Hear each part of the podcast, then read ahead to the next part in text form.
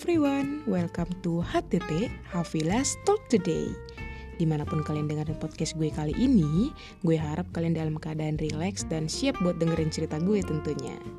Gak terasa, ini udah episode pertama dari podcast yang gue rancang lebih dari setahun. Elah, gaya gue kayak udah buat podcast ratusan episode ya.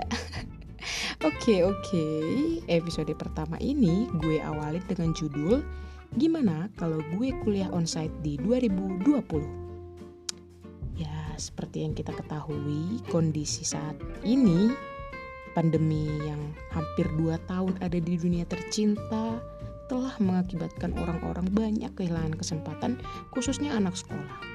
Di mana yang harusnya mereka bermain, berkenalan, dan mengalami banyak hal menyenangkan, justru malah harus sekolah secara online dan mendekam di rumah ya mungkin ada banyak sih yang seneng sama sekolah online ini tapi ya sepenglihatan gue lebih banyak yang gak seneng sama sekolah online. Nah karena posisinya ini gue lagi kuliah jadi gue bakal ceritain apa aja yang bakal gue lakuin seandainya di 2020 gue jadi mahasiswa yang harus belajar di kampus secara langsung. Stay tune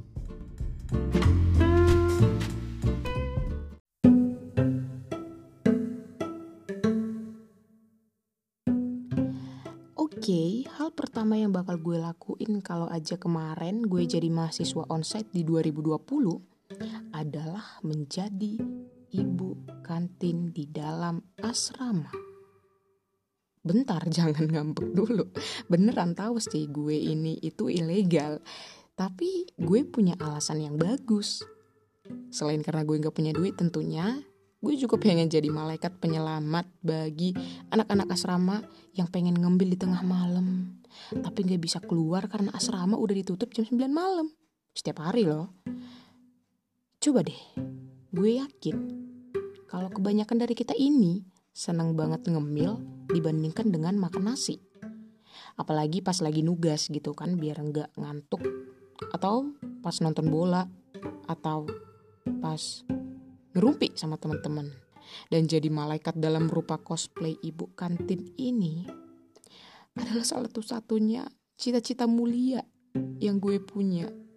Karena targetnya menolong orang dan menolong gue juga karena gue juga orang.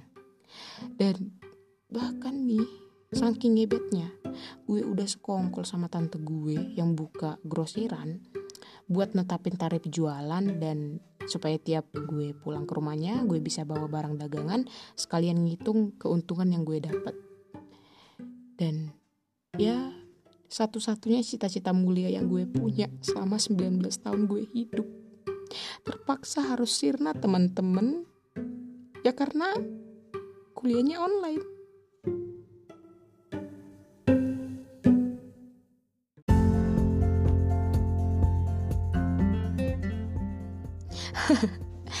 daripada memikirkan cita-cita gue yang gak selesai-selesai lebih bagus kita lanjutin ke hal yang kedua. Nah hal yang kedua yang bakal gue lakuin adalah gue bakal kenalan sama banyak orang-orang penting yang bakal ngaruh banget sama bertahan hidupnya gue di perkuliahan. Ya memang sih dari jalur online juga kita bisa kenalan sama orang-orang penting tapi lumayan susah say. Ya selain karena mereka punya waktunya tipis, banyak dari mereka yang gak nyaman buat dihubungin lewat chat dalam jangka waktu yang lama atau tiba-tiba ditelepon gitu. Dan kalau offline kan pasti punya lebih banyak kesempatan dong kitanya mulai dari ketemu di webinar gitu dan bisa punya waktu ngobrol mungkin di sela-sela makan siang atau ketemu di hari weekend ya kan?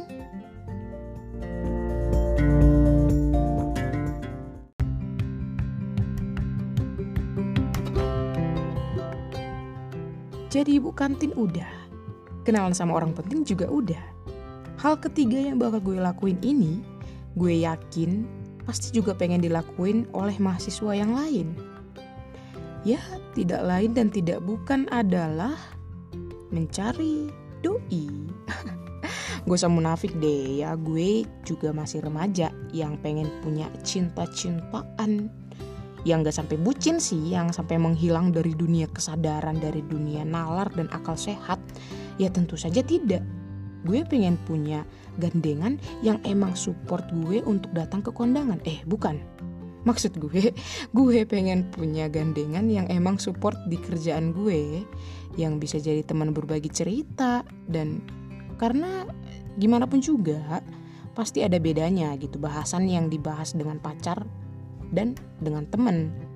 Feelnya beda dan tentu saja kalau udah jadi pacar kan pasti ada prioritas tuh. Jadinya kita bisa lebih banyak untuk mencurahkan isi hati. Dan selain itu ada rumor kalau di kampus gue cowok-cowoknya itu ganteng-ganteng. ya terlepas dari mereka bakal suka atau enggaknya sama gue ya seenggaknya kan cuci mata sama yang bening-bening gitu. Manusiawi biar mind blowing.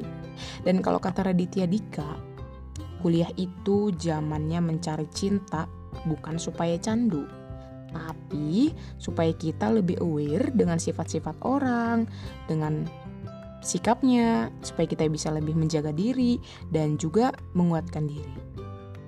And then what I do today setelah dua semester berlalu di saat kuliah online kayak gini, ya bener sih gue tetap nemu yang bening-bening walaupun cuma dari layar tapi ya tetap aja feelnya kan beda bahkan isunya tuh banyak yang jadi korban ghosting karena kenalannya online.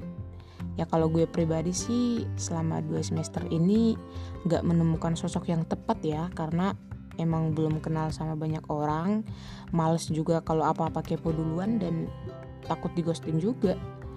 Nah kalau aja kita offline kan ya pasti nemu sebiji dua biji itu dari fakultas lain. Entah itu di kantin, di jalan, di kuburan, eh enggak maaf. Ya entah di mana deh kalau offline gitu.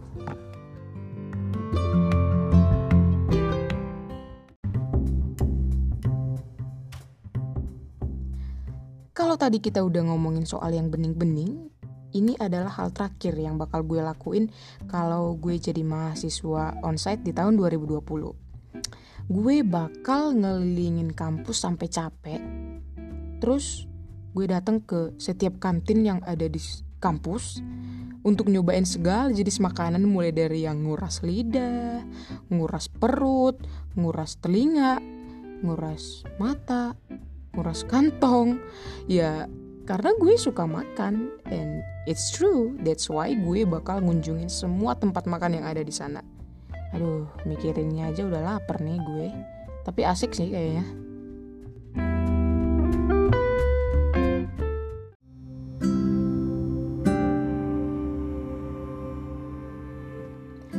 Nah, tadi gue udah ngasih tahu empat hal yang bakal gue lakuin kalau gue jadi mahasiswa onsite di tahun 2020.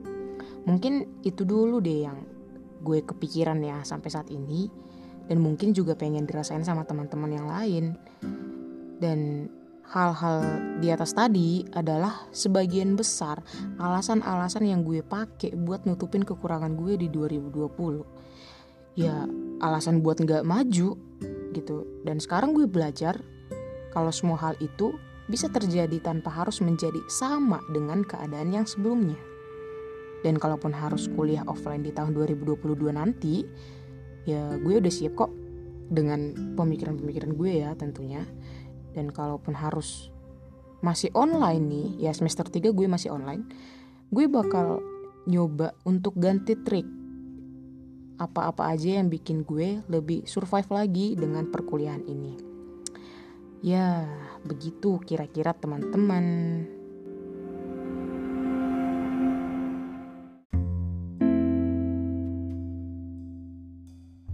Makasih teman-teman udah dengerin podcast gue hari ini. Nah, sekarang gue pamit undur diri. Kalau teman-teman punya cerita yang sekiranya mau untuk di-up sama gue ataupun untuk diceritain dari sudut pandangnya gue, boleh deh DM-DM santuy di Yolanda M underscore underscore underscore. Sampai ketemu di podcast selanjutnya dengan gimana kalau versi gue dan selamat beristirahat kalau kalian udah mau tidur see you everyone